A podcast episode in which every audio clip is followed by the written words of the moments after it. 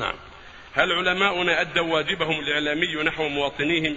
ولماذا يساهم كثير منهم في وسائل ولماذا لم يساهم كثير منهم في وسائل الإعلام المرئي والمسموع؟ وهل الكسب في العمل به مكروه أو محرم؟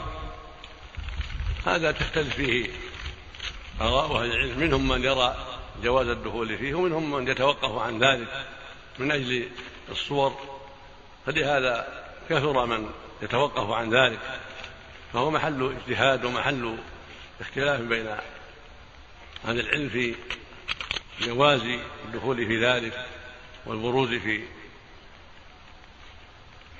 الشاشة في الشاشة لإلقاء الكلمات والتوجيه. ومنهم من فعل ذلك ورأى أن هذا فيه مصلحة وأنه يغتر في جنبه ما يتعلق بالتصوير. ومنهم من توقف في ذلك. ولهذا المساهمون في الوسائل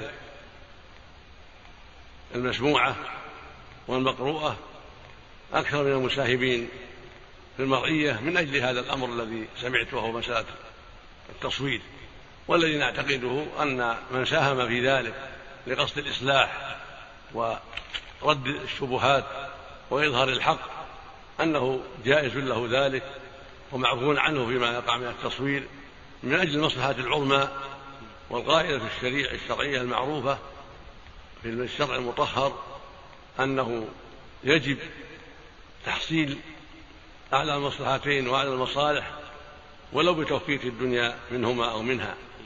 ويجب تعطيل كبرى المفسدتين وكبرى المفاسد ولو بارتكاب أدناهما أو أدناهما أو أدناها.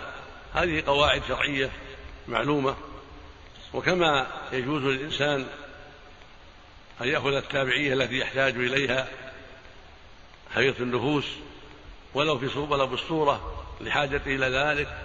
فحاجة المسلمين إلى ورود العلماء في التلفاز للنصيحة والتوجيه أعظم من حاجة الرجل إلى التابعية ونحوها. ونسأل الله يوفق العلماء لما فيه صلاحهم وصلاح المسلمين. نسأل الله يوفقنا وإياهم جميعا لما فيه صلاحنا وصلاح أمتنا وصلاح المسلمين جميعا. نعم.